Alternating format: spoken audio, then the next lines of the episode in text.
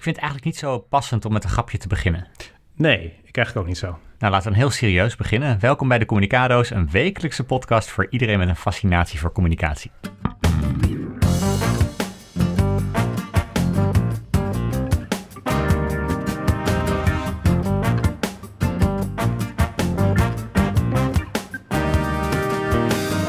Welkom bij de Communicado's aflevering nummer 21 en we hebben weer een leuke show voor je voorbereid.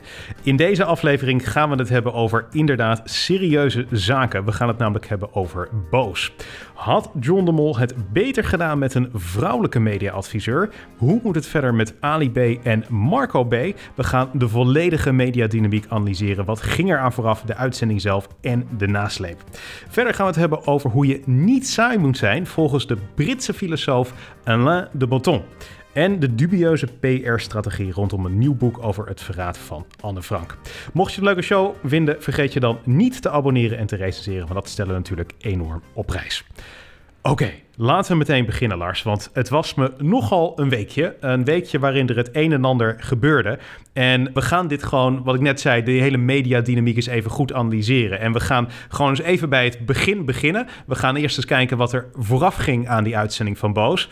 Ja. En dan gaan we die uitzending dus zelf bekijken en dan de nasleep. Maar om even chronologisch gewoon te beginnen. Zaterdagochtend kwam er ineens een persbericht uit. De Voice gaat met onmiddellijke ingang van het scherm vanwege aantijgingen van seksueel grensoverschrijdend gedrag. En die zouden door het online programma van Tim Hofman, genaamd Boos, worden geopenbaard. Dat was het begin. Toen jij het persbericht zag, wat dacht je, Lars? Nou, ik schrok er wel van. Ik dacht, hier moet al echt iets aan de hand zijn. Uh, het kwam ook redelijk uit het niets. Hè. We wisten natuurlijk allemaal wel dat er een programma aan zat te komen. En ik, heel eerlijk, ik wist eigenlijk niet eens dat dat deze week online zou komen. Maar in één keer stond dat persbericht van RTL online. En ik dacht, van, nou, daar moet er wel echt iets heel serieus aan de hand zijn. Ik dacht ook tegelijkertijd, vanuit communicatieoogpunt, ze nemen hier de vlucht naar voren. Hè. Ze, proberen zeg maar die uitzending voor te zijn. Zelf al direct aan te geven dat ze het serieus nemen. Dus op zich vond ik dat van RTL een uh, slimme stap. Ja, en wat ze volgens mij ook hebben gedaan is, uh, ze hebben de vragenlijst uh, die woensdag gekregen. Dus uh, Tim Hofman heeft maandenlang onderzoek gedaan. Vervolgens wilde hij natuurlijk wederhoor plegen bij RTL, bij ITV, bij Talpa en alle betrokkenen. Dus die heeft hij toen een aantal vragen opgesteld. En op basis van die vragen, ja, toen zagen alle mensen waar het allemaal heen ging. En dat er dus duidelijk wat aan, aan, aan, de gang was. En op basis daarvan heeft RTL die actie ondernomen. Ik denk dat Boos overigens ook zelf enorm verrast was door die actie. Want uh, er was daarna heel veel druk van mensen op internet die zeiden van... die uitzending, zet hem nou direct online, wacht niet tot donderdag 4 uur. Ik denk de reden dat ze dat uh, niet konden doen... was omdat de uitzending ook gewoon nog niet klaar was. Dus ja, er is op dat moment nog niks online te zetten. En het laatste wat je wil doen is gaan haasten bij dit soort dingen. Want op het moment dat er een fout in zit... iets wat je had moeten checken bijvoorbeeld... wat je er niet uit hebt gehaald... dat is natuurlijk extra pijnlijk. Maar ik ben het met je eens hoor, want ik denk wel dat het, uh, het feit dat het van de buis uh, getrokken is, dat is wel een duidelijk teken dat er wat aan de hand is. Dit is een programma dat miljoenen kijkers uh, trekt. Het is een ontzettend dure productie. En afleveringen die dus al opgenomen zijn, die gemonteerd zijn, ja, die worden nu uiteindelijk gewoon min of meer weggegooid. Dat lijkt er nu mee te gaan gebeuren. Dus dat is een gigantische financiële ja. strop natuurlijk voor alle betrokkenen. Wat ik ook wel interessant vond, is dat. Kijk, jij en ik kennen Boos natuurlijk eigenlijk vooral als een programma wat entertainment maakt. Hè. Het, is, het is een consumentenrubriek die... Uh, nou, we hebben het eerder gehad over Sievertje pesten. Hè, dus die gingen bij, bij Sievert langs op zoek. Kunnen we hem vinden? Heel verheffend was dat allemaal niet. Ineens werd Boos heilig verklaard. Van kijk, het is echt journalistiek alsof het een soort van nieuwsuur is. En ik was wel, toen ik het programma zag, wel blij verrast. Ik dacht, ja. Van, ja, dit zit echt goed in elkaar.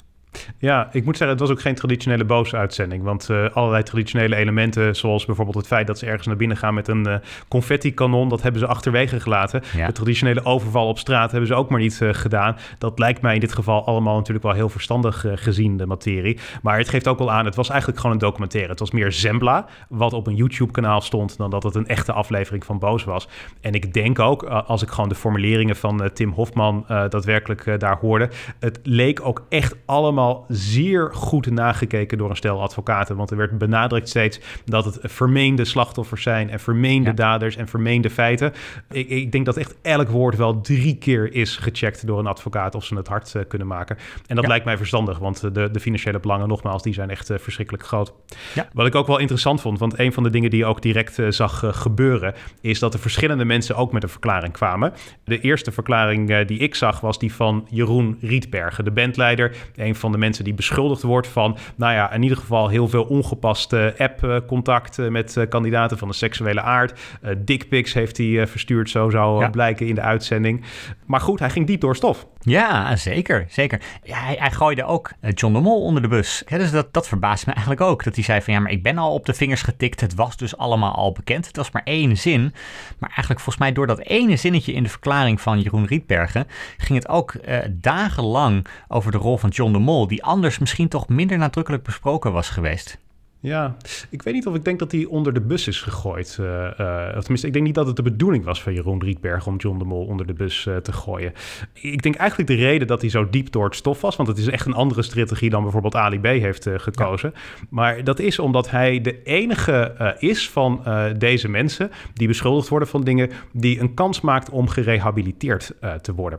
En dat is ten eerste vanwege het feit dat hij ook gewoon dingen heeft gedaan die minder erg zijn dan bijvoorbeeld Ali B. Dus wat ik zei, ongeveer app appcontact en dickpics is toch echt iets van een andere orde dan feitelijk vrouwen dwingen uh, om seks met je te hebben. Hè? Dat is wat Ali B, uh, waarvan die in ieder geval beschuldigd wordt. Ik denk dat dat een belangrijke factor is. Maar ik denk ook een hele belangrijke factor is het feit dat hij het grootste deel van zijn werk achter de schermen verricht, niet voor de schermen. Dus een van de dingen die hij ook veel heeft gedaan voor Talpa, behalve dat hij bandleider van The Voice was, is dat hij verschillende tv-tunes heeft uh, gecomponeerd en geproduceerd, waaronder die van Shownews, het programma waar die in uh, werd besproken deze week. Ja, dat werk kan je makkelijker hervatten vatten dan werk voor de schermen. Dus hij kan ook echt weer terugkomen. En als laatste, ik denk dat hij een grotere noodzaak heeft dan andere mensen, financieel gezien, om terug te moeten komen. Want hij is 50, hij heeft in de muziek gewerkt. Uh, ik denk niet dat hij financieel onafhankelijk is. Hij zal een mooi salaris hebben als bandleider van The Voice, maar hij zal niet financieel onafhankelijk zijn. En dat betekent ook dat hij van een opdrachtje hier en daar die niet kan leven. Dus ik denk dat hij in ieder geval hoopt dat hij in de good graces van de familie De Mol uh, blijft. Of hij uh, getrouw blijft met Linda, dat weet ik niet. of hij werkzaam blijft, daar weet ik ook niet. Maar hij wil ze in ieder geval niet hebben als vijand. En dat was volgens mij het doel van die verklaring. Gooi het allemaal maar op straat. In de hoop dat het daarmee dan ook zo snel mogelijk daarna weer uh, uh, ja, goed komt. Ja, niet ver daarna kwam natuurlijk die verklaring van Linda de Mol. Ja. Die vond, ik, die vond ik ook wel opmerkelijk hoor. En dus ik snap wel dat ze er wat over zei. Het was ook op haar eigen website. Ik denk ook dat het belangrijk was dat zij ook iets van zich liet horen. En uh, nou ja, wij zijn er toch een beetje mensen die naar op woordniveau gaan kijken van welke woorden kiest zij. Wat zij zei is, ik heb een einde gemaakt aan mijn relatie. En dat, dat vond ik best grappig. Stel dat wij stoppen met deze podcast, zijn we absoluut niet van plan. Hè? Maar dan, zou ik nooit zeggen van ik heb een einde gemaakt aan mijn samenwerking. Dan hebben we een einde gemaakt aan onze samenwerking. En een relatie is toch altijd iets wat je ook samen hebt. En dat ze eerst zegt van ik heb een einde gemaakt aan mijn relatie. En vervolgens benadrukt ze ook dat ze hem uit haar huis heeft gezet. Eh, dat was toch wel even laten blijken wie hier, uh, wie hier de, de, de, broek aan heeft. Toch? Die, uh, wie, wie, ja. wie hier wel een stevige, stevige vrouw is. Ja, dat denk ik zeker inderdaad. Ja, dat is, uh, ik, het viel mij inderdaad ook op vooral dat zinnetje van uh, Jeroen woont niet meer bij mij. dat is wel inderdaad uh, een hele duidelijke manier om het te verwoorden. Ik denk dat het aangeeft, voor haar is er ook echt wel veel potentiële reputatieschade. Een schandaal is net zoals een zwart gat. Als je niet oppast, word je erin meegezogen. en ik denk dat Linda daar absoluut voor vreesde. Dus zij wilde vooral voorkomen dat het, mensen gingen denken dat zij er misschien van af wist. Of dat zij dit zou tolereren, dat zij dit goed vindt. Uh, dus heeft ze heel duidelijk, heel resoluut actie ondernomen. Ik weet niet in hoeverre dat een PR-strategie is en of het echt is. Ik bedoel, Johnny de Mol zei zijn eigen talkshow. Misschien komt het wel weer goed. Uh, dat zou ik eerlijk gezegd ook niet uitsluiten. Over een paar maanden kan ik natuurlijk niet beoordelen. Maar ik denk ook wel dat, dat, dat Linda onder enorme druk stond om echt even snel hier een krachtige statement uh, te maken. Ik vond Johnny de Mol trouwens heel sterk doen in zijn eigen talkshow. Want die, dat is natuurlijk heel gek om te gaan praten over wat er allemaal gebeurde in je, in, in je talkshow als je halve familie erbij betrokken is.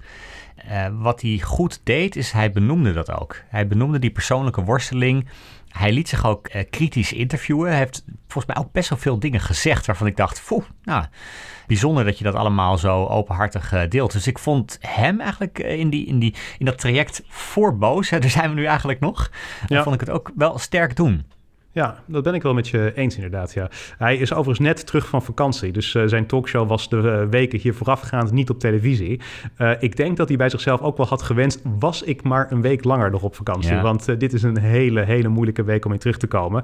Het, het blijft echt ongemakkelijk voor hem om in deze tijd... een talkshow te presenteren... waarin zijn vader en de rest van zijn familie het grote nieuws is.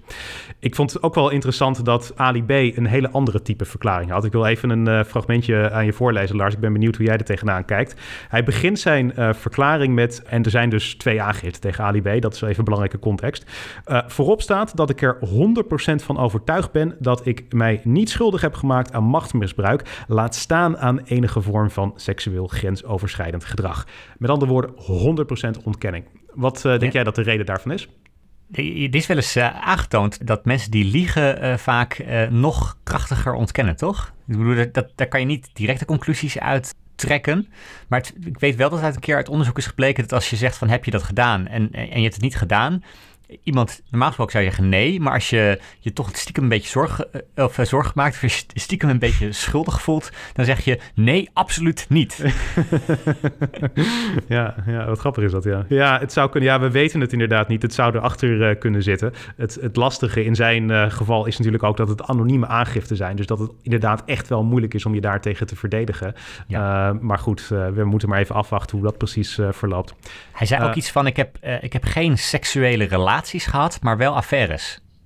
En toen moest ik een beetje aan Bill Clinton denken, die dan een beetje een definitiespel gaat spelen van I did not have sexual ja. relationships with that woman. Ja, of uh, bij zijn uh, marijuana jointje dat hij zei, uh, but I did not inhale. ja. je, je denkt, hmm, niet okay. heel relevant, Bill. ja, interessant. Ja, ik, ik moet eerlijk zeggen dat een van de opmerkelijke dingen vind ik wel weer. We hebben het ook besproken in de mediadynamiek rondom Marco Borsato een maand of zo geleden. Maar de rol van die showbiz-programma's, die blijft wel echt opmerkelijk. Want zowel RTL Boulevard als Shownieuws, die waren negatief in het nieuws deze week, omdat ze iets probeerden te doen wat eigenlijk niemand begreep. En ik, ik, ik, probeer ook gewoon eens te verklaren van waarom is dat nou zo? Want Shownieuws was deze week in het nieuws omdat Albert Verlinde daar aan tafel zat. Shownieuws is natuurlijk te zien bij SBS6. En uh, uh, Albert Verlinde, uh, SBS6 is onderdeel van Talpa Media tegenwoordig. John de Mol is er eigenaar van. En Albert Verlinde zei daarin doodleuk van... ik ga een bommetje droppen. Dat is ook hoe hij het introduceerde. Nou, op zich prikkelend. En ja. vervolgens zegt hij van... ik heb verhalen gehoord over Umberto Tan... die vroeger inderdaad RTL Late Night presenteerde. En het was meer een datingshow dan een talkshow. Want aan de lopende band benaderde hij vrouwen. Nou, dat was direct natuurlijk een groot probleem, want hij leverde geen bewijs. En er nee. was in de 24 uur daarna heel veel mensen die zeiden van... nou, daar heb ik nooit wat van gemerkt dat Umberto Tan dat uh, op een verkeerde manier deed. Dus hij heeft die keutel een uh, dag later volledig ingetrokken. Wel pijnlijk natuurlijk voor Umberto Tan. Terecht dat hij aangifte heeft gedaan wat mij betreft. Maar diezelfde uh, avond, of ik geloof de avond daarvoor, die zaterdag nog... was Samantha Steenwijk, een oud voice-kandidaat in Boulevard. En die zat daar doodleuk te vertellen van... ja, ik heb nooit wat gemerkt van seksueel grensoverschrijdend gedrag in The Voice. Sterker nog, uh, als het is gebeurd, is het niet, uh, heb ik het niet gezien. En hey, het gebeurt overal. Er zijn ook directeuren die dingen met secretaresses doen op dat vlak. Waar ja. maken we ons druk over? En je vraagt je echt af, dat heeft natuurlijk beide heel veel kritiek gekregen. Ook Samantha Steenwijk is door het stof gegaan. Maar je vraagt je wel af, hoe kan het dat deze programma's keer op keer zo gigantisch de plank misslaan? Want ja, dat is wat ze hier doen. En je zou het zelfs om kunnen draaien. Dit zijn programma's die aan entertainmentjournalistiek doen je zou ook kunnen zeggen van misschien hadden zij eens wat meer onderzoek moeten doen ja. naar de Voice. Hè? Als dit jouw uh, onderzoeks, als dit jouw, jouw terrein is waarop jij journalistiek begeeft, dan had jij deze primeur misschien moeten brengen. Maar ik denk dat het antwoord hierop is dat dit gewoon de clubhuizen van die zender zijn. Met andere woorden, RTL Boulevard is een promotion vehicle voor heel veel RTL-programma's. En SBS Shownieuws is hetzelfde voor SBS 6. Dus wat zij doen, is zij promoten de eigen programma's en sterren. Ze praten ook wel over programma's van andere zenders. Maar Alleen maar omdat het publiek het niet zou pikken als ze alleen maar over RTL praten. Dus ze fijnzen een soort van, wij bespreken alles, maar het gaat voornamelijk over RTL-programma's. En deze programma's die worden gemaakt door mensen die carrière willen maken bij hun respectievelijke zender. Dus uh, als er een groot schandaal is bij de concurrent, ja, dan ga je daar natuurlijk met een hamer keihard opslaan. Uh, want uh, geweldig. En als jij bij jouw eigen zender een groot schandaal hebt, dan, dan ga je dat een beetje zitten downplayen. Dan probeer je daar een draai of een spin of wat dan ook aan te geven. En dat is dus wat deze doen. Het zijn echt de clubhuizen van die zender. Er wordt geen onafhankelijke journalistiek daar bedreven. En ik denk wel dat dat pijnlijk bloot is gelegd daar afgelopen week. En ik denk dat dat ook wel aangeeft dat het misschien te obvious aan het worden is. Dat deze programma's echt daar een verbeterslag kunnen doorvoeren. Ja, ja eens. Eens. En dit was het hele traject voorafgaand natuurlijk. We hebben nu best uitgebreid besproken wat er vooraf ging aan de uitzending van Boos. Ja. Uh, we hebben natuurlijk ook gekeken afgelopen week. Hè. We nou, hebben ook gekeken naar nog, de om vier minuten over vier is dat ik gewoon uh, voor de buizen inderdaad. Ik geloof jij ook, hè? Ja, absoluut. Ik heb, ik heb stiekem zelfs de, de YouTube-uitzending op uh, 1,25 snelheid gekeken. Want ik dacht, dan weet, dan weet ik ook de primeurs eerder, zeg maar. Je bent volgens mij niet de eerste, want de NOS kwam om, geloof ik, 20 over 4 met een persbericht uh, aanzetten. Met een pushbericht in ieder geval, bedoel ik. En ja. dat gaf ook aan dat kennelijk hebben het heel snel gekeken, ja. Ik Ja. was ook verbaasd, want uh, nou, het waren heftige beschuldigingen natuurlijk. Uh, uh, Ali B, Marco Borsato, een niet bij naam genoemde regisseur en bandleider waar we het eerder over hadden, Jeroen Rietbergen, worden beschuldigd van dat seksueel grensoverschrijdend gedrag. Maar binnen 24 uur 8 miljoen views. Ja. Dat is niet weinig. En ik nee. heb even gekeken van wat betekent nou een view op YouTube, want uh, dat weet je nooit helemaal zeker. En iemand moet minstens 30 seconden hebben gekeken om dat mee te laten tellen. Dat hoeft alleen niet 30 aaneengesloten seconden te zijn. Dus het kan zijn dat je een beetje er doorheen hebt geskipt. Ja. En als je meerdere keren op een dag kijkt, dan is er een maximum dat ze meetellen. En dat maximum is waarschijnlijk 4 of 5, maar daar zegt YouTube niks openbaars over. Dus dat weten we niet. Dus dat betekent dat het geen 8 miljoen mensen zijn die gekeken hebben. Maar ja, nog steeds natuurlijk gigantisch veel mensen, want dit is echt een ja. heel hoog cijfer. Maar we hebben nu al uh, best veel tijd als, als Uber-communicatie-nerds aan de communicatiedingen besteed. Het, het, was natuurlijk walgelijk om die verhalen te horen. Hè? Dus ik had echt heel veel bewondering voor die vrouwen die hiermee naar buiten durfden te komen, die dit ook zo vertelden. Ik vond ook het programma, dat zat ook echt goed in elkaar. Wat ik bijvoorbeeld goed vond is, deze zaak draait om het gebruik van een machtspositie en het misbruiken van die machtspositie. En ik vond dat het programma dat heel erg goed duidelijk maakte. Dat was bij mij bijvoorbeeld, was dat bij Jeroen Rietbergen nog niet helemaal duidelijk van hoe hij zijn machtspositie nou precies had misbruikt. Maar dat werd heel duidelijk uitgelegd. Van hij was verantwoordelijk voor het kiezen van de liedjes van de, van de artiesten. Dat betekent ook dat alleen door die keuze van die liedjes heb je grote, een grote invloed op jouw volgende ronde en hoe je het daar gaat uh, doen. Uh, Ali B, die volgens dan de, verklaring uh, hulp aanbood bij toekomstige opnames. Dus die zei van, als je nog een keer meedoet, geef me even een belletje, dan word ik jouw coach en dan ga ik zorgen dat je heel ver komt. Nou, dan, misbruik je die machtspositie die je, die je daar hebt. En ik, ik, ik, vond dat heel goed neergelegd. Ik vond ook dat het patroon goed werd blootgelegd. Want ik denk dat bij heel veel MeToo-verhalen is natuurlijk altijd... Het, het, het heeft iets ongemakkelijks als één iemand een verklaring aflegt tegen één andere persoon en we direct die persoon direct aan de hoogste boom knopen. Want dan, dan wordt het best makkelijk. En er is ook in de hele MeToo-discussie zijn er natuurlijk ook wel mensen geweest die nooit veroordeeld zijn of, of waarvan Zeker, zelfs de veel. vraag is of die, of die verklaringen kloppen. Ik vond dat dit programma heel uh, goed een patroon blootlegde. Ze lieten echt zien, steeds waren er meerdere bronnen die dat bevestigden. Er was ondersteunend bewijs. Er was niet alleen één kind die zei van toen ik 16 was, toen zat, toen zat Marco Borsato aan mij, of nog eerder, hè, 13 of 14. Uh, er waren meerdere die dat, uh, die dat aangaven. Hun ouders, die konden dat ook bevestigen. Dus ik vond dat het programma echt heel zorgvuldig een patroon uh, neerlegde. En ik vond ook goed dat ze heel transparant waren over hun aanpak. Gewoon door het hele proces hebben ze je als kijker meegenomen. Zo zijn we begonnen, zo hebben we het uitgezocht. Hier hebben we die en die om een reactie gevraagd. Daar hebben we om wederhoor gevraagd. Dus dat vond ik echt heel goed uh, gedaan. En wat, waar ik eigenlijk nog ook wel van schrok, is dat ondanks al die, al, die, al die vrouwen die naar buiten zijn gekomen met hun verhaal. Hè. Op een gegeven moment waren er 19 mensen, geloof ik, alleen al over Jeroen Rietbergen die naar buiten waren gekomen met een verhaal. Durfde eigenlijk niemand dat echt on the record te vertellen. Hè. Het werd door een acteur voorgelezen, ze werden geanonimiseerd in, in beeld gebracht. Voor mij gaf dat ook wel een signaal van hoe bang die vrouwen nog steeds zijn. Misschien deels door die contracten die ze hebben getekend, deels door dat, doordat ze hun ja, privéleven of ja, een, een, een, toekomstige carrière vrezen. Deels omdat ze misschien juridische stappen vrezen. En dat is natuurlijk niet helemaal onterecht. Want volgens mij Marco Borsato, die heeft eerder ook iemand die een verhaal vertelde, heeft hij ook echt aangeklaagd. Dus daar zit wat, wat dapper dat ze dit durven vertellen. En eigenlijk wat triest dat ze het alleen anoniem durfden te vertellen. Ja, ik denk voor een deel durven ze het ook inderdaad niet, omdat ze allemaal ook bang zijn. Nog even los van uh, al die dingen die jij terecht uh, opmerkt. Uh, ze zijn ook bang dat ze voor de rest van hun leven worden geassocieerd met dit soort gedrag. En dat ze als slachtoffer worden gezien in plaats van een artiest waar iedereen naar opkijkt. Ja. En ja, ik, ik denk ook van, er zijn er natuurlijk twee die hebben bij Bo gezeten. En die hebben niet in de anonimiteit, maar die hebben het gewoon in, in, de volledige openbaarheid gegooid. Ik denk dat ze echt heel veel lof verdienen voor het feit dat ze die ja. moed hebben gehad om dat te doen. Dus uh, laten ze daar uh, absoluut voor blijven prijzen. En ik zou bijna zeggen dat wanneer zij een plaat uitbrengen, dan zijn we het ze verplicht om het gewoon te kopen ja. en aan te schaffen. Alleen al is het omdat we deze mensen gewoon willen steunen voor het feit dat zij veel hebben gedaan voor de samenleving, denk ik zelfs. Ja. Ik moet ja. uh, zeggen dat uh, halverwege dat programma, of eigenlijk wat is het, uh, na een minuutje of 48, kreeg het voor mij echt een onverwachte wending. Want ik zag niet aankomen dat John de Mol zou aanschrijven. Ik was ook niet op Twitter aan het kijken, want ik wilde het gewoon echt even tot me nemen. Ik heb het op gewoon 100% snelheid uh, gekeken. Ik, ik zat het echt gewoon, ik probeerde echt gewoon volledig tot me te laten doordringen. En op een gegeven moment zie ik daar John de, Mil, uh, John de Mol in beeld verschijnen en ik dacht echt van, het zal toch niet? Maar ja. ik, ik was heel verbaasd dat dat gebeurde. Ik was echt enorm verbaasd. Ja. En uh, mijn eerste reactie was ook wat goed.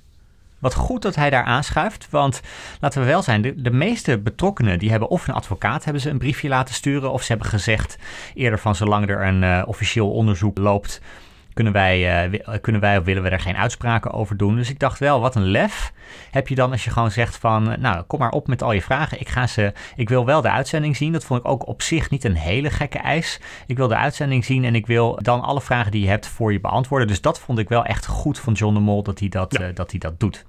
Zeker, ja. Nee, dat vond ik ook wel goed. Ik vond het ook wel uh, prijzenswaardig. De dynamiek nam een andere wending op dat moment. Ja. Want uh, uh, niemand is te spreken over, over wat hij daar deed. Het werd massaal bekritiseerd. zo massaal zelfs dat hij de dag daarna nog met een verduidelijkende verklaring moest komen. Mede omdat dus ook een aantal vrouwen binnen Talpa een advertentie in de krant, in het AD notabene, de, de, de krant die John de Mol ziet als vijandig, dat ze daar een advertentie hebben geplaatst waarin ze zeiden van het is niet ligt niet aan de vrouwen. Dat was min of meer de boodschap. Maar het verwijt dat hij daar kreeg was dat hij aan victim blaming deed.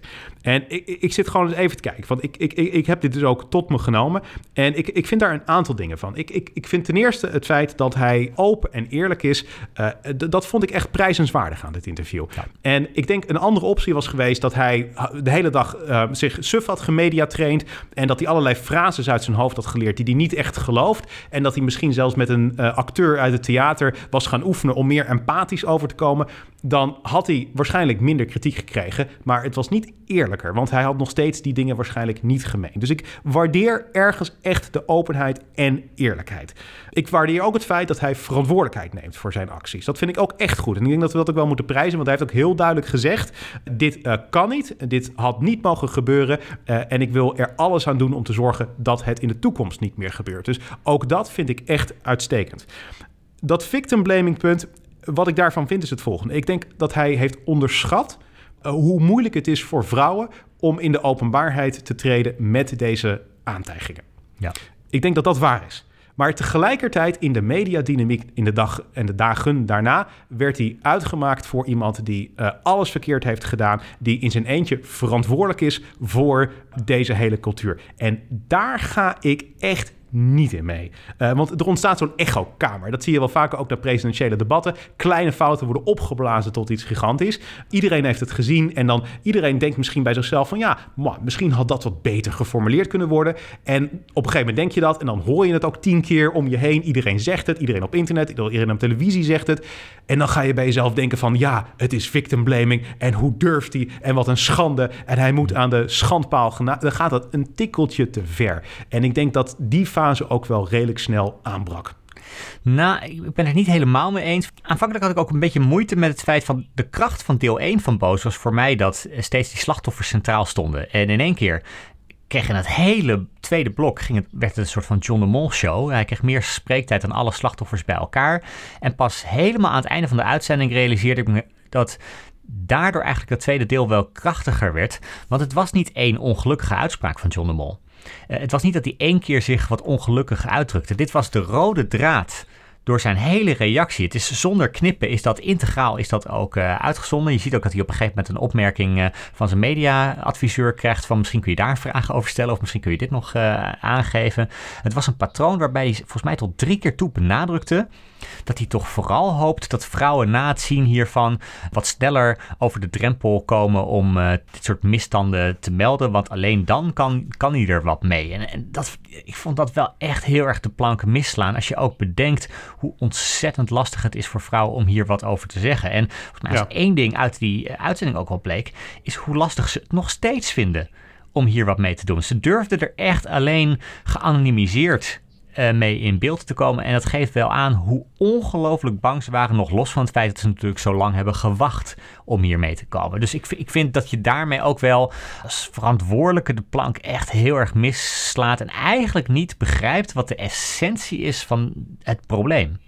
Nou, ik denk dat het aangeeft dat hij niet uh, verschrikkelijk empathisch is. Maar ik denk niet dat we dit nodig hadden om daarachter te komen. Want ja, dat geven andere mensen natuurlijk al jaren aan. Dat is die ook niet verschrikkelijk. Nee. Maar ik zie dit als een teachable moment voor ons allemaal. Want ik denk niet dat John de Mol de enige is die uh, hier zo over denkt. Nee. Ik denk dat in de entertainmentindustrie er zijn heel veel machtige uh, mannen en ook misschien wel machtige vrouwen die er zo over denken. Want ze zitten natuurlijk in een positie waar zij nooit die afhankelijkheidsrelatie hebben. Dus ik kan me best voorstellen hoe dat misverstand ontstaat bij zo iemand.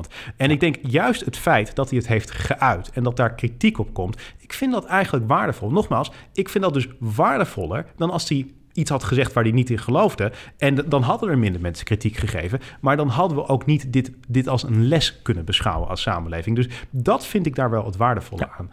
En ik, ik, ik denk ook nog één ander ding. Want ik denk ook wel eens van... het gaat heel veel over John de Mol. Een van de dingen die die Boos documentaire ook duidelijk heeft gemaakt, is dat ja, uh, deze mensen die aan, die aan The Voice hebben uh, gewerkt, die hebben vaak in uh, andere samenstellingen met elkaar gewerkt, aan andere programma's voor andere producenten.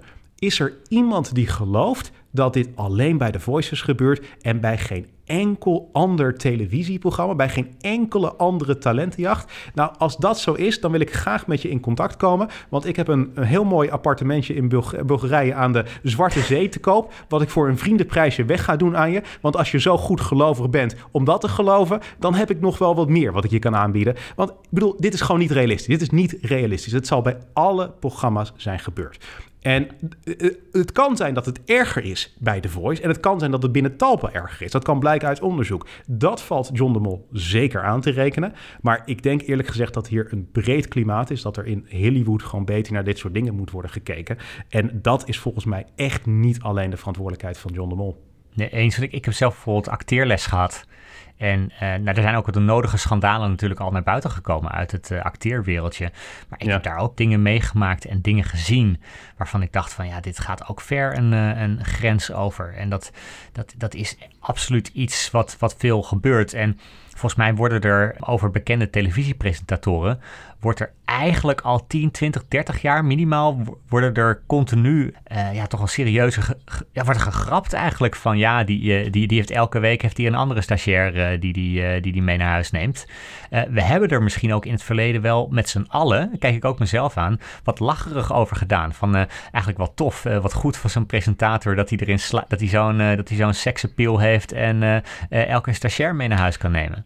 Ja, en kijk, het lastige, zo'n debat wordt altijd direct uh, helemaal platgeslagen in de zin dat je er allemaal over moet denken als van die is goed en die is kwaad. Maar het lastige daarvan, het is niet per definitie verkeerd natuurlijk voor twee mensen om seks te hebben als de ene stagiair is en de ander is een presentator van een televisieprogramma. Hè. Voor heel veel mannen is het natuurlijk ook gewoon een incentive om, om die functie te bereiken dat ze uiteindelijk makkelijker aan seks kunnen komen. Ik denk dat ze daar ook gewoon eerlijk over moeten zijn. Ik vind het altijd verkeerd. Ja? Ja. Ik vind elke, dat je dan gewoon... Nee, maar je, je, elke machtsrelatie... Als jij zegt van er is een machtsrelatie tussen twee mensen... en dan ja. mag je geen seks met elkaar hebben. Ja, Ik vind dat echt, ja, ik vind het echt altijd fout. Ja, nee, maar dit is, Dat meen je hebt niet. Ook binnen, nee, maar serieus. Je hebt ook binnen, binnen veel organisaties heb je ook standaard de regel dat als twee mensen iets krijgen, dan moet degene die het hoogst in rang staat, die moet zijn baan opgeven. Dus Of haar als baan een opgeven. stewardess eh, seks heeft met de piloot, dan zeg jij baan opgeven. Ja, ja ik, ik vind dat, ik, vind dat eh, eh, ik, ik weet dat het eh, veel gebeurt, hè. Ik doe, maar het is, ik kom ook uit een familie die in de luchtvaart zit, maar ik vind het eigenlijk altijd fout, ja.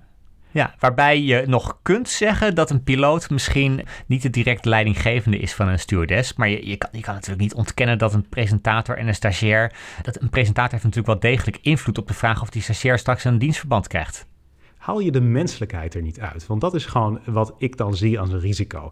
Ik denk dat eh, seks eh, een uiting is van bepaalde emoties. En dat op het moment dat je eh, dergelijke emoties heel erg in bedwang moet houden, dan krijg je ook een hele zakelijke, misschien kille manier van met elkaar omgaan. Ik denk eerlijk gezegd de reden dat dit meer gebeurt dan elders, meer in de artiestenwereld dan elders, het zal overal gebeuren, maar het zal meer gebeuren in de artiestenwereld, omdat je te maken hebt met kunstenaars die open zijn, die in contact staan met hun emoties, die passioneel zijn. En dat uit zich ook in, maar ja, goed, meer zeg maar seksuele energie die over en weer gaat. Ik zou bang zijn als je dat echt gaat verbieden in een organisatie, zoals jij nu voorstelt, dat je dan ook echt dat, dat, dat die menselijkheid gaat missen. Het is al verboden. Dus het is niet de vraag of je het gaat verbieden in uh, Nee, maar het is niet grote. Het organisatie. verboden om. nee, dat, er is niks mis met de gezagsrelatie. Hè? Die ontstaat eh, vaak. En dat, dat, dat op zich, eh, al- als die er is, dan mag je gewoon met iemand seks hebben. Er zijn bepaalde omstandigheden waarin dat verboden is. Maar zeker niet in alle. Nee, maar bijna elke organisatie, grote organisatie is het al verboden. Dus nu ook bij het Openbaar Ministerie zijn er schandalen geweest, hè, omdat daar eh, dat gebeurde. Maar ik ken ook eh, andere organisaties waar mensen ontslag hebben moeten nemen, omdat er sprake was van een relatie op de werkvloer. Hoor. Dat is echt, dat not done, dat kan niet. En dan eh, zie ik ook nog wel dat een relatie of een, of een eenmalig moment, hè, dus dat, dat kun je nog, eh, is dat precies hetzelfde? Hè? De gebeuren op de skitrips van organisaties eh, gebeuren er ook wel eens eh, dingen die eigenlijk niet horen. Dus ik weet ook van een groot accountantskantoor, dat heeft ook in de krant gestaan waar het nodige gebeurde natuurlijk. Dus ja, het, het gebeurt wel veel, maar ik, ik denk dat, dat je heel veel problemen voorkomt als je gewoon zegt het is altijd fout. Niet aan beginnen, altijd iets wat je, wat je afkeurt als organisatie. Ik eh, vind een van de interessante dingen dat eh, na Harvey Weinstein wel echt eh, veranderingen zijn doorgevoerd in de entertainmentwereld in Amerika. En dat geeft aan dat er ook positieve dingen aan zo'n debat zit, vandaar om dat te voeren. Toevallig een tijdje geleden voor een media-optreden heb ik daar wat over uitgezocht. En ehm, eh, eh, tot mijn verbazing eigenlijk zijn er echt destijds dingen veranderd. Vakbonden voor acteurs hebben bijvoorbeeld richtlijnen aangenomen dat er geen ontmoetingen meer mogen plaatsvinden met eh, producenten op wat ze noemen hoge risicolocaties, dus hotelkamers bijvoorbeeld. Uh, worden tegenwoordig begeleid door allerlei intimiteitscoördinatoren. Uh, producenten en regisseurs die hebben tegenwoordig allerlei moraliteitsclausules in een contract. Dus als ze een keer over de scheef gaan, of dat in het verleden hebben gedaan en dat komt nu naar buiten, dan kunnen ze er direct uit worden gewerkt zonder dat ze een vergoeding hoeven te krijgen. Dus je ziet wel dat zo'n debat uiteindelijk kan leiden tot, tot verandering. Ja. Maar goed, uh, laatste vraag om hierop te werpen. Wat uh, denk jij, uh, gaat The Voice ooit nog terugkomen? Het is in ieder geval voorlopig opgeschort. Is het merk definitief besmet of is er een kans dat het terugkomt? Ja, ik zie eigenlijk... Kijk, in Nederland zie ik geen toekomst. De vraag is natuurlijk in hoeverre dat dit het internationale merk beschadigt. En daar heb ik me wel twijfels bij. Ik denk dat het internationaal kan het wel gewoon doorgaan. Je denkt dat het in Nederland niet meer terugkomt? Ja, niet, niet, nee, dit, dit concept is nu wel echt. Ik denk dat het sowieso natuurlijk al. Het liep al een beetje. De, de, kijkcijfers liepen al wat terug, volgens mij. Het, ja, zijn al elf jaar bezig of zo. Ja. Nee, ja, maar ik bedoel dat uh, zeker. Ik bedoel, het had ook op een gegeven moment. Uh, in, in de beginjaren had het uh, 5 miljoen kijkers of zoiets. Dat was echt gigantisch hoog. En sinds die tijd is het teruggekomen. Maar 2 miljoen is nog steeds heel aardig. Hè? Laten we daar niet, niet gek over doen. Ik, ik, wil dit best wel even aan ter afsluiting. Ik denk dat het wel degelijk terug gaat komen, Lars. Ik denk dat het programma misschien niet dit jaar misschien niet deze opnames, maar het publiek is echt opportunistisch. En ik denk dat zodra de tijd weer verder is, mensen uiteindelijk wel weer uitkijken naar een leuk programma om naar te kijken. Het zal door een nieuwe producent gemaakt worden, niet meer door ITV, niet meer door Talpa, maar door iemand anders. Nieuwe mensen, um, uh, sommige coaches zullen uiteraard vervangen worden, Ali ja. B, Marco Borsato. En dan denk ik dat het toch wel weer omarmd kan worden, want het is nogmaals echt een van de populairste programma's. Weet je wat ik als enige kans misschien zie daar? Nee. Alleen maar vrouwelijke coaches. Nee. Nee. Nee, jij onderschat uh, hoe uh, snel het uh, publieke sentiment zich daar tegenkeert. Nee, nee, kijk, ik bedoel, we zitten nu heel erg in die MeToo-discussie. Als het morgen terug moest komen, dan was dat een heel goed idee. Maar nee, ja, gewoon over een tijdje, over een jaar, dan komt het weer terug met gewoon met, met, met coaches. Waarom zou je Whalen ontslaan als coach? Hij heeft niks misdaan, dus weet je, die kan best blijven in nieuwe samenstelling. Maar goed, het is wel een besmet merk. Ze moeten er echt nog wel aan werken om daaraan terug te komen. Oké, zullen we het hierbij laten of wil je nog een opmerking maken erover? Nee, volgens mij is het goed zo. Laten we dan doorgaan naar het volgende uh, blokje. Want ik wil het hebben over hoe je niet saai moet zijn. Ik zat een tijdje geleden naar een filmpje te kijken op YouTube. En dat is van de Britse filosoof Alain de Botton. Hij heeft The School of Life. Dat is een populair YouTube-kanaal. Dat heeft 7,3 miljoen abonnees. Bijna net zo populair als Boos dan. Ja, ja, nee, ja, goed. Vergeleken met Boos valt het dan inderdaad nog flink tegen. Want hij heeft zeker niet zoveel uh, views uh, op zijn... Uh, in ieder geval zijn gemiddelde filmpje trekt niet zoveel views. Maar goed, 7,3 miljoen abonnees voor wat een filosofiekanaal is. Dat is natuurlijk best aardig. En het idee daarvan is dat hij uh, gewoon vragen beantwoordt waar mensen dagelijks tegenaan lopen. Dus uh, levensvragen. Vragen zoals van waarom we vaak de verkeerde partner kiezen. Het probleem met mensen die te aardig zijn. En dus ook hoe je niet saai moet zijn. En die laatste vind ik wel uh, toepasselijk voor ons. Ik vond het ook echt een oprecht een heel erg interessant filmpje. ook natuurlijk omdat als je niet saai bent, dat geeft je dat in onze mediacratie ontzettend veel macht en aanzien en status. Uh, in het nieuwe kabinet hebben we twee mensen zitten, uh, Robert Dijkgraaf en Ernst Kuipers, die eigenlijk vooral bekend zijn geworden vanwege de talkshows. Het feit dat hm. ze niet saai waren, zorgde ervoor dat zij vaker werden uitgenodigd. En dat kan je zeggen, zorgt ervoor dat ze nu in het kabinet zitten. Dus dat is op zich wel iets wat interessant is. En dus is de vraag van hoe moet je niet saai zijn? Waarom zijn sommige mensen wel saai? Nou, daar ga ik zo dadelijk even op in. Uh, er zijn wat misverstanden die Alain de Botton aan uh, kaart. Want hij zegt, ja, sommige mensen die denken dat ze saai zijn... omdat hun leven niet bijzonder is. Ze hebben misschien niet de wereld rondgereisd... of de pauze ontmoet of weet ik veel wat.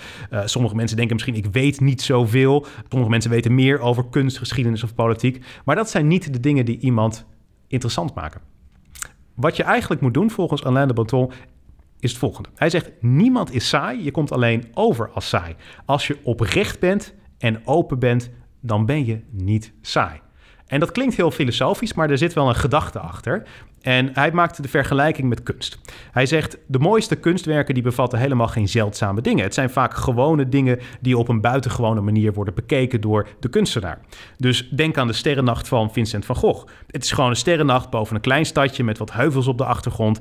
Eigenlijk is het niks bijzonders. Nee. Maar omdat het op een speciale manier met een bepaalde oprechtheid en openheid is geschilderd, is het toch iets dat mensen raakt. En dat is dus hetgene wat mensen ook interessant maakt: oprechtheid en openheid. Tot nu toe, het is nog niet af, maar wat vind je ervan? Nou, ik ben het er heel erg mee eens. Ik, heb een andere YouTube-video een keer gezien, eh, die ging over hoe je goede gesprekken voert. En het was een van de lessen daar ook van, uh, je moet eigenlijk ieder gesprek ingaan met als intentie, als houding, dat je van iedereen in deze wereld iets kunt leren. Ja. Want als je eigenlijk al een gesprek aangaat waarbij je denkt van ik weet meer dan de ander, ik ben interessanter dan de ander, dan weet je ook eigenlijk van tevoren dat je er niks interessants uit zal halen en dat het ook geen interessant gesprek zal zijn. Dus je moet je voornemen, van elk gesprek kun je wel iets leren. Ja, dat zeker. Ja, ja. En wat Alain de Botton vervolgens zegt, want hij zegt die oprechtheid en die openheid interessant is. En dat maakt jou dus ook boeiend als persoon. Dat zorgt ervoor dat je niet saai bent. En hij zegt van vaak hebben mensen niet de moed of misschien de concentratie om anderen te vertellen hoe het is om ons te zijn. Hij zegt eigenlijk van je moet een soort van betrouwbare correspondent worden van het wel en wee van je eigen hart en geest. Dat is hoe hij mooie zinnen daar formuleert. En ik dacht eigenlijk van ja, dat is eigenlijk een van de dingen die heel veel reality-sterren, en Martien Meiland is daar denk ik een heel goed voorbeeld van, die kunnen dat goed. Het zijn hele open en eerlijke mensen. Daarvoor krijgen ze ook veel kritiek, want sommige mensen vinden Martien Meiland natuurlijk helemaal niks en dat mag, maar andere mensen vinden het in ieder geval wel heel erg interessant om naar te kijken. Je kijkt naar een echt persoon. En dat zegt eigenlijk Alain de Botton ook. Van luister naar je emoties, merk ze op en communiceer die op een open en eerlijke manier. Heel veel mensen durven niet te zeggen wat ze echt vinden. En ja, die zeggen dan maar wat, wat, wat ze denken dat men interessant zou vinden. Hè. Ze proberen te bedenken, dit zouden andere mensen interessant vinden. En dan volgen ze eigenlijk een soort van conventies van wat interessant zou moeten zijn. In plaats van dat ze echt het gevoel volgen wat ze voelen. Dus daarom probeer zo open en eerlijk te zijn. En dat vind ik eigenlijk best wel een goede levensles als je dat uh, krijgt. Ik denk dat het überhaupt heel goed is. Maar ik denk ook oprecht, dit is wat mensen vaak interessanter maakt. Durf eerlijk en open te reageren op bepaalde dingen. Is dat niet iets wat heel veel Nederlanders als excuus gebruiken om bot te zijn? Dat ze zeggen van, uh, nee, ik ben niet bot, ik ben gewoon eerlijk. Um, ja, eerlijkheid misschien wel ik, ik weet ook niet, maar je kan ook natuurlijk eerlijk zijn op een diplomatieke manier. Hè? Want eerlijkheid is niet altijd dat je het op een zo'n vervelend mogelijke manier uh, vertelt. En ik, ik, denk vooral dat wij problemen hebben met onze directheid in het buitenland, waar de andere conventies over hoe je dingen formuleert uh, gelden. Ik vind eerlijk gezegd maar goed, ik ben natuurlijk ook Nederlander. Ik vind eigenlijk niet zoveel problemen met die directheid. Ik hou er eigenlijk wel van dat je weet uh, waar andere mensen staan. Ik, ik heb natuurlijk ook jarenlang in Amerika gewoond. En bij Amerikanen weet je dat, uh, zeker als je er net woont, eigenlijk helemaal niet zo goed. Hè? Er zijn mensen die heel vriendelijk tegen je zijn, maar uh, die geen enkele intentie hebben om je vriend te, te zijn. Ja, is dat beter? Maar weet ik niet eigenlijk. Ik, ik, ik vind dat persoonlijk in ieder geval niet beter. Nee, eens. Dus heel vaak vind ik het juist oppervlakkig. Dat, in Amerika is alles amazing, great, wonderful. Ja. En dan weet je Let eigenlijk me niet... hug you. ja, dan weet je eigenlijk niet wat mensen na afloop van je vinden. Nee, nee, precies. Maar ik denk openheid en eerlijkheid, dat is wel echt een van de dingen. En ik denk ook wel dat dat hetgene is wat, wat, wat, wat mensen ook soms vermijden om een soort van introspectie uh, te vermijden. Het kan natuurlijk pijnlijk zijn om over je eigen gevoelens na te denken en dat soort zaken. En daarom praten we dan ook maar gewoon mee met anderen. Maar niet meepraten, gewoon zeggen hoe je ergens tegenaan kijkt, dat vergt moed. En bij interessante sprekers zijn we vaak bezig van wat zijn de vaardigheden die zij toepassen om het interessant te maken. Als je een TED-talk kijkt, welke technieken gebruiken ze om het verhaal zo goed mogelijk te vertellen. Ik denk eigenlijk dat goede sprekers nog één ding extra doen. En dat is helemaal niet een vaardigheid, maar dat is dat ze moed hebben. Moed hebben om uh, te, te zeggen wat zij echt vinden en te reageren zoals ze het echt voelen. Met eigenlijk de wetenschap dat er een grote kans is dat ze worden afgewezen. Dat het publiek denkt van, ik vind het helemaal niks eerlijk gezegd. Ik vind dit waardeloos, maar dat ja. toch het juist omarmd wordt. Ik denk dat wij daarin wel heel anders zijn. Dat ik, ik merk wel dat ik mezelf veel meer een filter opleg. Ook in deze podcast. Uh, dat, dat ik wel beter nadenk over wat ik zeg. En, en gewoon voor mezelf evalueer, is dat verstandig om te zeggen? Of, we hadden vorige week hadden we een discussie erover dat ik bij media-interviews altijd even vraag om de quotes te lezen. Want soms staan er quotes waarvan ik denk, oeh, ja, zo had ik dat niet bedoeld. En, en, en dan zorg ik dat ze die veranderen. Terwijl jij zoiets had van, nou, gewoon, uh, het is hun probleem. Dit uh, publiceer maar gewoon. En ik, ik heb nog nooit een interview veel... van mezelf teruggelezen, inderdaad. Dat klopt, ja. Ja. ja, nee, ik geloof inderdaad dat het hun verantwoordelijkheid is. En het interesseert me ook niet zo vreselijk veel als er fout is. Ik bedoel, het zijn hele grote fouten, zouden me wel interesseren. Maar ja, meestal komt dat ook gewoon niet voor. maar ik denk inderdaad dat je wel gelijk hebt. Ik denk dat dat wel een verschil is. Ik moet je ook eerlijk zeggen, dat is wel een klein beetje mijn dubbele agenda hier... om dit aan jou mee te geven. Het is eigenlijk Want, een les aan mij. Het is eigenlijk een les, ja. Eigenlijk wel. Ik ik, ik, kijk, ik heb vaak het idee dat zodra de microfoon open staat, dat er, dan, dan zit jij ineens in een soort van Mandela-modus. En dan ben jij ineens aardiger en dan redelijker. En er worden allerlei interessante dingen gezegd zodra die microfoon weer dicht is. Dan denk ik van, had dit nou gezegd in de podcast? Ja, nee, dat moet ik nog leren. Dat moet ik nog leren. Misschien ben ik ook wel bang voor die afkeuring dan. Dat, dat ja, mensen denken van, ja. Lars, wat zeg je nu? Ja, maar dat, dat is denk ik inderdaad, want ik denk, dat herken ik natuurlijk ook wel. Want je bent wel bang voor, die, voor inderdaad die afwijzing van het publiek. Dat mensen inderdaad het niet accepteren. Maar dat is volgens mij wel hetgene wat uiteindelijk uh, iets echt, echt beter maakt. En ik, ik vind zelf ook wel, als ik dingen van mezelf terugluister of mezelf terugkijk, van ik ben soms ook natuurlijk gewoon super saai. Dus ik denk ook van, dit is ook niet alleen een wijze les voor jou. Het is ook zeker een wijze les voor mezelf. Maar je moet er echt lef voor hebben. En dat is wel echt lastig. Maar goed, ik vond het in ieder geval goed. We zullen even het filmpje in de show notes uh, zetten. Alain de Botton. Uh, echt een aanrader om naar dat filmpje te kijken, maar ook veel van de andere filmpjes op zijn uh, YouTube-kanaal. Uh, het is uh, een man die ook echt overigens super goed kan spreken. Echt een hele, ja. hele fijne Eens. spreker.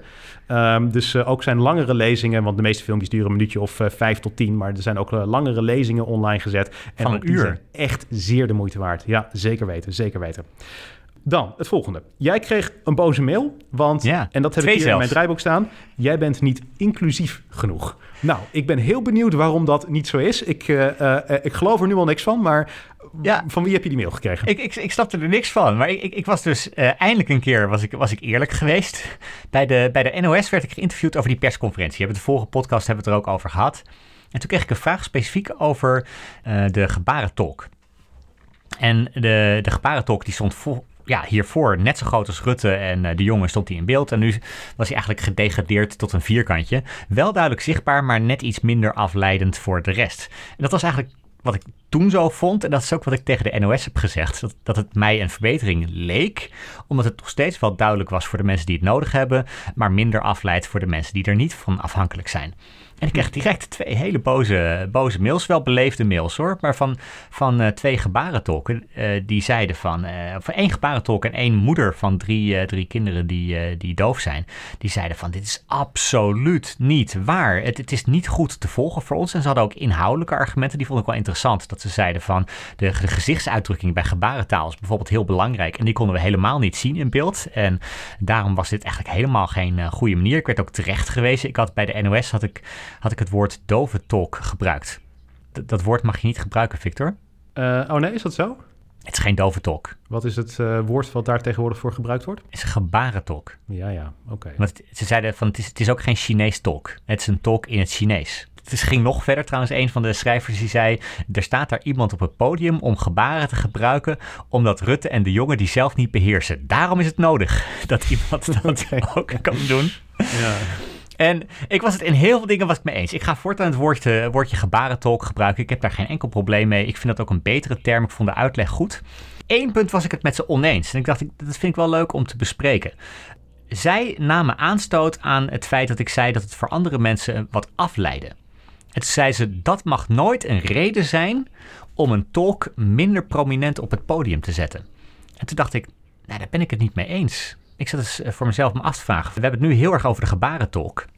En er zijn in Nederland iets van 30.000 mensen die daarvan afhankelijk zijn. Nou ja, als één op de drie mensen zo'n persconferentie kijkt, dan zal dat misschien ook voor de mensen die doof zijn of ervan afhankelijk zijn van gebarentaal, zal dat zijn. Zijn er 10.000 mensen die daar kijken. Ik denk dat er veel meer uh, mensen zijn, eerlijk gezegd, in Nederland, die het Nederlands niet goed machtig zijn. Die uh, een expat zijn, een arbeidsmigrant zijn, die, uh, die een eerste of tweede generatie migrant zijn, die wel Turks of Berbers spreken, maar geen Nederlands zou het niet veel inclusiever zijn als we ook een talk hebben die alles wat de jongen zegt of zij, alles wat Rutte zegt, direct naar Turks of naar het Berbers vertaalt. Of misschien naar het Engels voor expats, uh, andere arbeidsmigranten.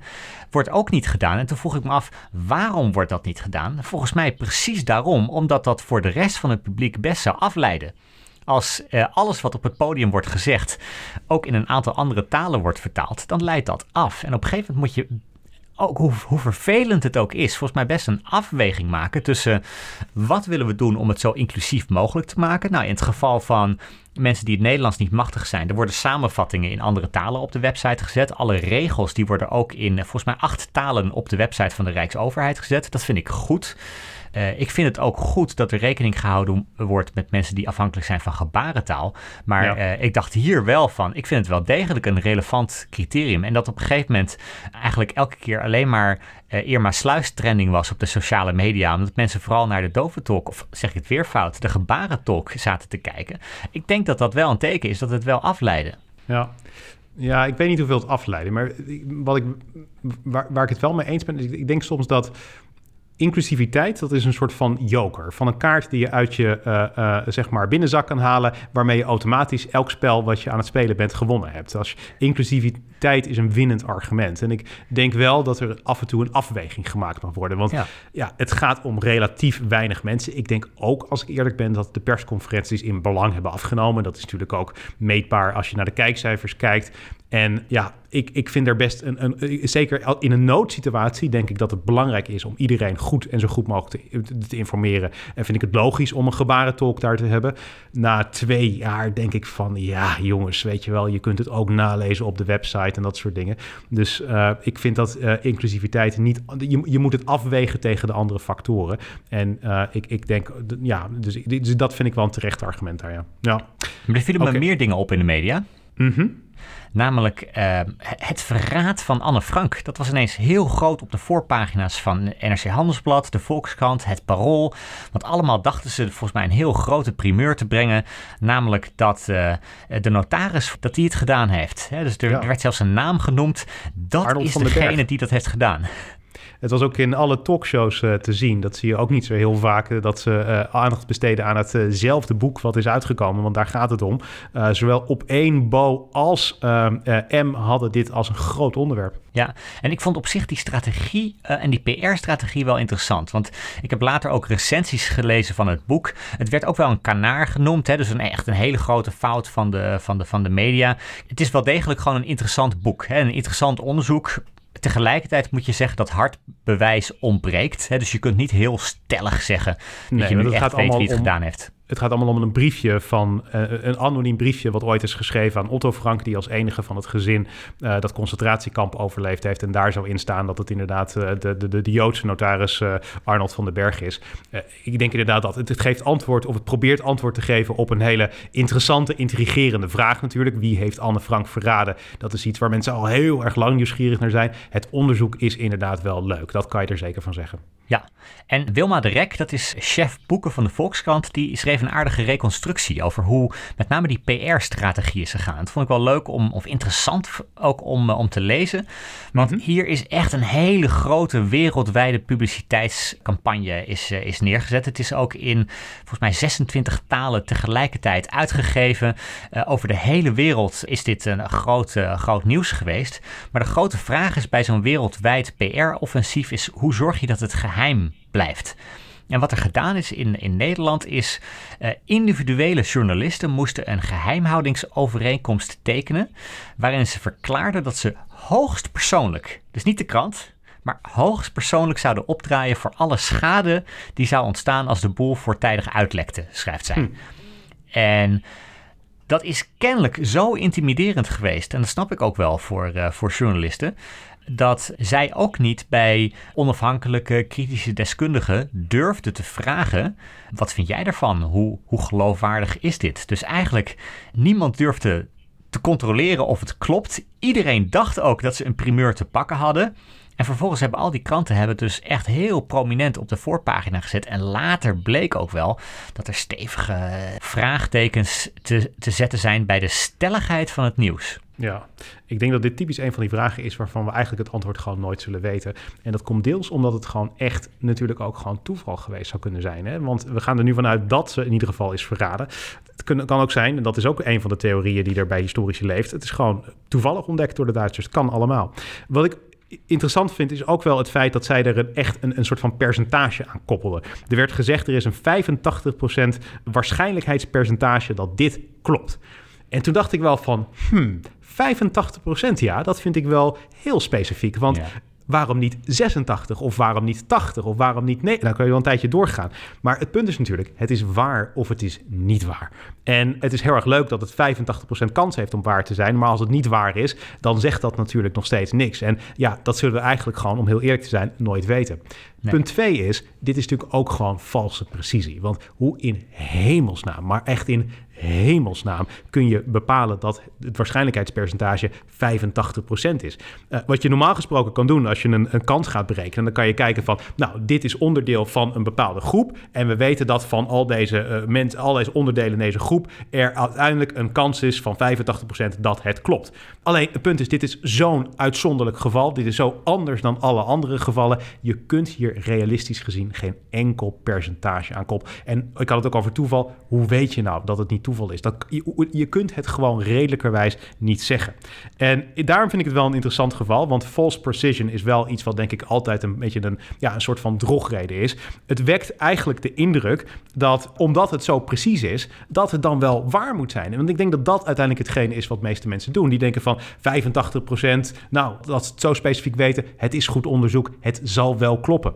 En dat vind ik opmerkelijk, want ook als je gaat bedenken van 85% klinkt misschien als heel erg hoog, maar 85% als je ziek bent, wordt opgenomen in het ziekenhuis en de arts zegt tegen jou, nou, je bent inderdaad ziek, maar je hebt een 85% kans om het te overleven, dan denk ik niet dat jij lekker gaat slapen die nacht. Dat is niet zo fijn. Dan, dan, dan voelt die 15 wel ontzettend groot. Dus eh, ook in dat opzicht, ik, ik bedoel, ik, ik, ik, hecht er wel aan om te zeggen, uh, ik, ik ben niet zo heel erg fan van dit cijfer. Ik denk dat het een beetje misleidend is. Had Hillary Clinton ook niet een 85% kans om te winnen?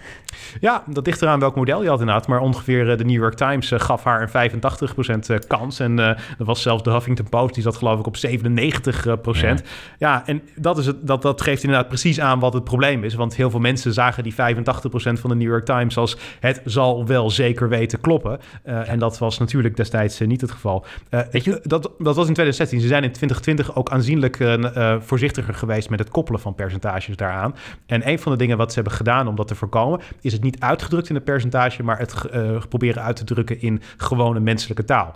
Uh, dus de kans is aanzienlijk dat Biden gaat winnen. Dat soort dingen zag je vaker dan exacte percentages. En, en dat, dat denk ik inderdaad dat dat beter is, ja. Wat uh, Wilma de Rek zegt in, in haar stuk ook, is dat een van de manieren waarop ze hebben geprobeerd dit boek geloofwaardigheid te geven, is met termen als er is een cold case team opgezet, er is sprake van forensische statistiek. Nou ja, daar heb je al direct die 85% te, te pakken.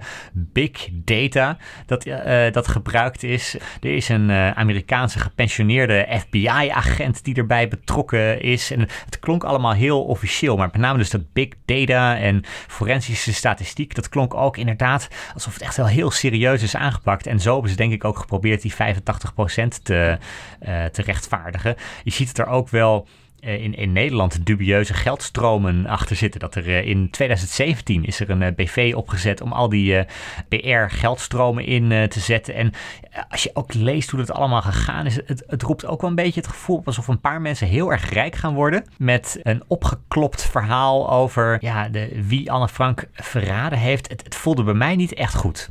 Nee, maar ik heb zoiets van het onderzoek kan ik eigenlijk nog wel waarderen. Want het is dus, schijnt dus echt een onderzoek te zijn van zes jaar. En nou ja, wat jij zei, er zijn veel verschillende disciplines bij betrokken geweest. Het antwoord zien te krijgen op dat soort historische mysteries. Is goed. Ik vind dat ergens nog wel, ook wel gewoon de geschiedenis levend houden. Dat vind ik eigenlijk ook wel positief aan. Uh, maar ik denk wel bij al dat, dit soort dingen van... Uh, Arnold van den Berg kan zichzelf niet meer verdedigen. Hij is uh, al echt jaren, jaren dood. dus je moet ook een beetje oppassen voordat je echt direct dat soort mensen... Ja. echt helemaal in de geschiedenis zwart gaat maken. Ja, afsluiten met een laatste blokje over media. Want het is toch wel een beetje een media-aflevering geweest uh, vandaag. Uh. Ja, zeker. Inderdaad. Ja, waar wil je mee afsluiten? Iets kritisch. Oh jee. ja. ik, ik wil het hebben over transparantie en sensatiejournalistiek. Mm en dan begin ik even met iets waarvan we denk ik allemaal vinden dat het goed is, is, is transparantie. Dat, dat past ook een beetje, en zeker in de politiek, dat past een beetje bij die nieuwe bestuurscultuur. We vinden het belangrijk dat de regering transparant is, dat individuele bewindslieden dat die transparant zijn. Over, uh, over van alles en nog wat, alles moet transparant. Je ziet ook heel lang, zie je in Den Haag een soort van giftenregister. En elke keer als iemand een pen cadeau krijgt, dan moet die pen geregistreerd worden in het, uh, in het giftenregister. En ik denk dat ook wel dat dat allemaal goed is. Ja, ik ook. Tegelijkertijd vind ik dan wel dat je eh, goed moet nadenken over hoe je ermee omgaat. En ik zag afgelopen week een voorbeeld waarvan ik dacht: oei, daar ben ik niet zo gelukkig mee. Als er zo'n nieuwe ministersploeg komt, dan is bijvoorbeeld uh, heel erg de vraag: wat geef je van tevoren op over die ministers? Dat iedereen weet wie zijn die ministers. Uh, je moest bijvoorbeeld in 2017 moest je al je huizen opgeven als je daar zelf in woonde. En elke minister moest precies opgeven: dit zijn de huizen waar ik, waar ik in woonde. En dit jaar is er iets nieuws bijgekomen. Je moest als nieuw lid van de regering niet alleen opgeven hoeveel huizen je had, eh, waar je zelf in woonde. Dus in je eigen huis in Frankrijk bijvoorbeeld nog een vakantiehuis, ik, ik, ik noem maar wat. Maar je moet ook opgeven of je huizen hebt die verhuurd worden. En dat is dit jaar dus voor het eerst is dat opgegeven. En ik denk ook dat dat goed is. Ik denk dat het goed is dat we weten van onze bestuurders of ze eventueel belangen hebben. Ik denk dat het ook soms echt wel relevant kan zijn in je functie. Ik denk dat als jij gaat over de woningmarkt en jij hebt zelf heb jij, uh, 50 huizen in Amsterdam die je verhuurt aan studenten en je hebt ze zelf uh, verkamerd en zo. Dat is ja. wel belangrijke en relevante informatie voor het publiek om te weten. Maar hier gebeurde eigenlijk iets anders. Het is dus door al die ministers opgegeven. En toen kwam uh, RTL Nieuws met een heel groot uh, nieuwsbericht, grote letters. Ministersploeg komt om in vastgoed. Meer dan de helft heeft extra huizen. En daaronder dan de eerste alinea, de intro. Leden van de nieuwe ministersploeg hoeven niet snel te vrezen dat ze dakloos worden. Zeker 11 van de 20 ministers bezitten naast hun woonhuis ook nog één of meerdere panden. en, ja. Ik snap dat je dat stukje schrijft, want wat is nou makkelijker dan dat je niet eens zelf onderzoek hoeft te doen, maar dat je gewoon even kijkt wat lekker transparant geregistreerd is.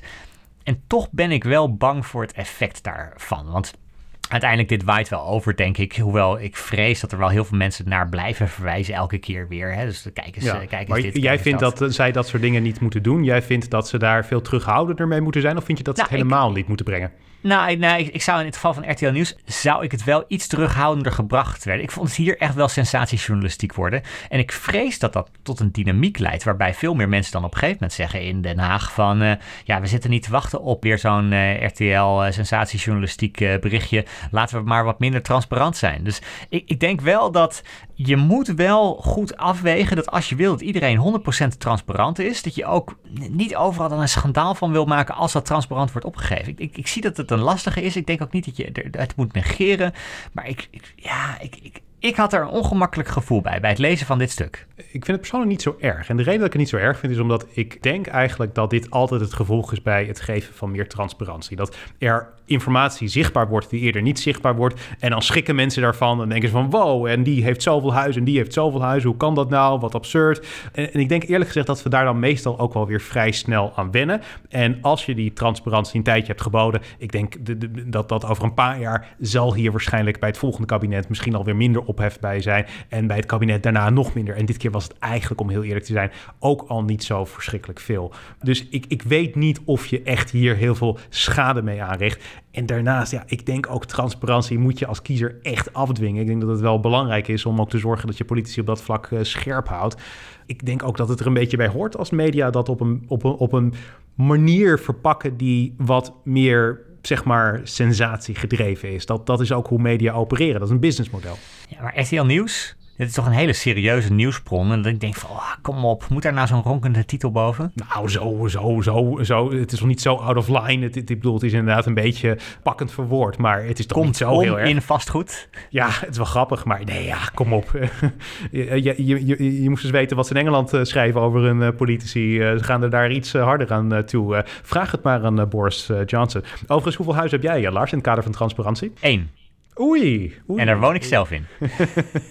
ik heb er dus twee, maar ik maakte eerder een grapje over het feit dat ik een, uh, een stukje vastgoed in uh, Bulgarije te koop heb. Dat is eigenlijk wel echt waar. Het is een erfenis, het is erfenis, maar mochten mensen daar zeg maar denken van... hé, hey, dat zou ik best willen kopen voor een vriendenprijsje, info at victorvlam.nl. Ik kan het je zeer aanbevelen. Een mooi heel schaamteloos, Victor. Speciaal een mooie prijs voor vrienden. Oké, goed. We moeten er een einde aan maken. uh, wil jij nog andere dingen verkopen, Lars?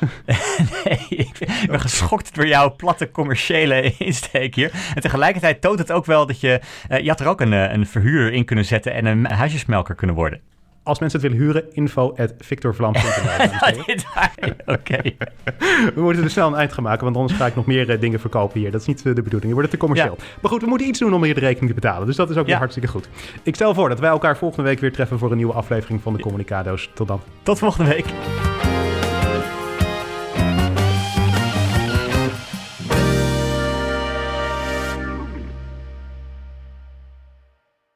Zo.